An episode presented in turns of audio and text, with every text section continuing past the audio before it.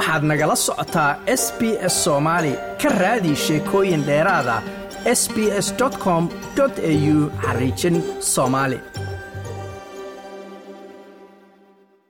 afhayeenka waaxda arrimaha dibadda iyo ganacsiga ayaa s b s waxay u sheegtay dadka iyagu safraya waxa ay mar walba yihiin kuwo khatara ku sugan. Xaaladda ama deegaanka iyo eeriyooyinka marka dibadda loo safrayo waxa ay yihiin kuwo aad u adag waxaana yidhi si xoog leh aan ugu baraarujinaynaa dadka astreeliyaanka inay noqdaan kuwo diyaar u ah safarta ay qorshaynayaan ayna noqdaan kuwo ku sugan xogo ay haystaan oo dhammaanba xaaladaha dhanka safarta khusaysa. Marka waxa ay tahay afhayeenkaasi arrinta uu ku magacaabay diyaar ha u noqdaan dadku safartaasi maxa ay ka dhigan tahay. Marka ugu horraysa qofku waxaa la yidhi waa inuu baadhaa meelaha iyo eriyooyinka markaasi safarta uu qorshaynayo. Marka sida aad u heli karto waxa ay tahay xogahaasi astreeliya waxa ay isticmaashaa ama laga isticmaalaa waddanka astreeliya aabka loo yaqaano smart traveler waana aab dowladdu ay leedahay oo lagu kaydiyo ama lagu qoro xogaha ugu dambeeya ee talabixinta dhanka safarta ku saabsan. Si aad u fahanto waxa loo baahan yahay safarta markaad u baxayso iyo khataraha jira ee aad markaasi kugu soo aadi kara ama aad qaabili karto dadka u safra boqol toddobaatan iyo siddeed dhinac amaba goobood.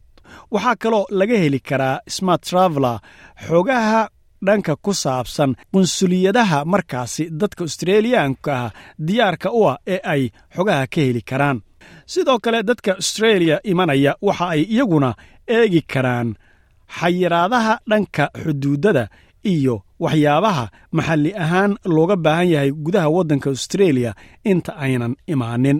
Smart traveler waxyaabaha lagu kaydiyo waxay suurtagal ku yihiin luqooyinka ingiliishka ay ka mid tahay tayga indonesiyaanka carabiga vietnamiiska iyo sidoo kale luqada loo yaqaano simplified and traditional chinese. Marka xigta ama nambarka labaad ee dhanka talooyinka waa inaad abdhayt noqotaa ama aad la socotaa ood haysataa tallaaladaada.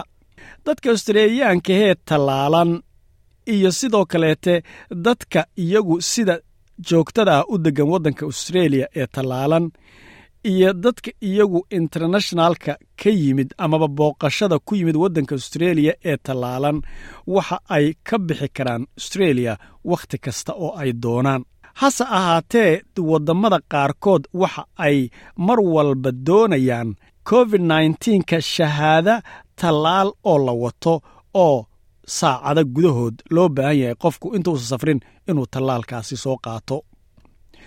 Waaxda arrimaha dibadda iyo ganacsiga afhayeenkeedu waxa uu yidhi astreeliyaanka iyagu aan istallaalin waxaa si xoog leh loogu boorinayaa in aynan safar u bixin sababa la xidhiidha xaaladaha khatareed ee soo wajihi kara.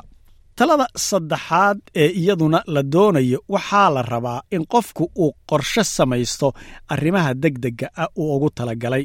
Ku-xigeenka madaxa caafimaadka ee waddanka astreeliya michael kid waxa uu ku boorinayaa astreeliyaanku in ay haystaan qorsho markaasi howlaha degdegga ah. Haddii markaasi xaaladda markay safraan ay ku timaaddo xaalad xanuun iyo xaalad sidoo kale ku saabsan in loo baahnaado in karantiil ay galaan waxaa muhiima ayuu yidhi astreeliyaanku inay raacaan sharciyada dhanka caafimaadka ah ee maxalliga ah meelaha ay joogaan iyo sidoo kale talooyinka la siinayo. Lambarka afraad ee dhanka naseexooyinka waa inuu qofku haystaa ama uu xaq u leeyahay arrimaha ku saabsan caymiska. Dadka safraya waxaa lagula talinayaa inay iska fiiriyaan marka ay safrayaan in ay haddaba caymiska safarkoodu in uu ku jiro arrimaha ku saabsan covid nteenka iyo sidoo kaleete in ay ku jirto caymiskoodu arrimaha ku saabsan carqaladooyinka safarta soo gala. Smart traveler waxa ay sidoo kaleete iskaashi la leedahay. Joyce hay'adda la yidhaahdo si loo siiyo dadka australiyaankaa xogaha ku saabsan marka ay iibsanayaan caymisyada safarta. Waxaa kaloo iyadu su'aala layska weydiin karaa maxay tahay xaaladaha ku saabsan iyadana cudurka manki boxka loo yaqaano xaaladaha soo bata ee cudurka manki boxka loo yaqaano waxa ay keeneen in hay'adda caafimaadkae adduunka ee w h o loo yaqaano in ay shaaca ka qaado cudurkani inuu yahay cudur heer caalami ah labaatan iyo saddexdii bishii julaay markay ahayd. Laga soo bilaabo kowdii janawari bishan aynu ku jirno ee agost siddeetan iyo saddex waddan ayaa waxaa laga soo warbixiyey in labaatan iyo saddex kun xaaladood in lagu arkay oo cudurkaasa iyo siddeed geeri markaasi gaadhay. Austreeliya waxaay marka iyaduna waddanka ka heshay gudihiisa konton iyo siddeed xaaladood oo badankoodna ka yimid dadka iyagu safaraha ka soo noqday. Afhayeenka waaxda caafimaadka iyo dadka waaweyn waxa s b s uu u sheegay in haddaba austreeliya ay tahay dadku inay australiyaanku u ogaadaan xogaha ku saabsan caabuqa manki bokiska iyo sida uu u eg yahay haddii markaasi ay safrayaan ama ayba ka soo noqonayaan waddamo kaysaskaasi ama xaaladahaasi laga helay. Waxaana laga codsanayaa ayuu afhayeenka yidhi in ay codsadaan caawin caafimaad haddii ay filayaan in cudurkaasi uu ku dhacay su'aasha kale iman karta waxa ay tahay ma loo baahan yahay haddaba in la qaato tallaal caafimaad oo manki box cudurkaasi laga qaadanayo dadka iyagu u safraya dibadda intaynan u safrin.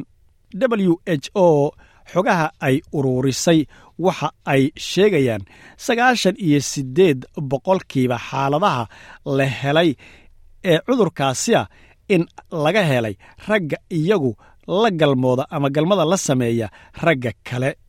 Waxa soomaalidu ay khaniiska u yaqaanaan.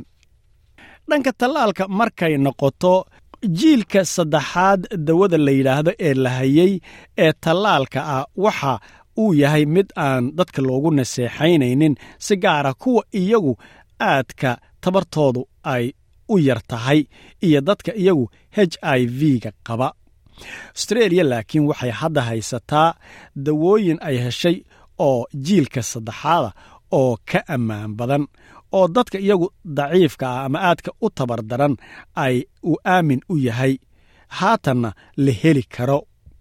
Kooxda talada dhanka farsamada australiyaanka ee dadka iyagu awoodsiinta ah waxa ay sheegeen in haddaba laba irbadood la qaato marka ay tallaalka noqoto manki boxkaasi qaybta iyadu jiilka saddexaad la yidhaahda australia ay ku naseexaynayso labaatan iyo siddeed maalmood gudahoodna lagu dhammaystirto.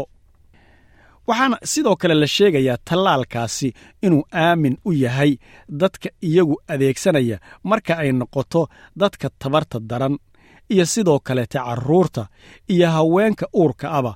Waa markii laakiin la qiimeeyo dadkaasi cid kasta ama shakhsi kasta khatarihiisa iyo faa'iidada ay u leedahay dawadani ma doonaysaa sheekooyinkan oo kale? Ka dhegayso apple podcast google podcast spotify ama meel kasta oo aad bodkastigaaga ka hesho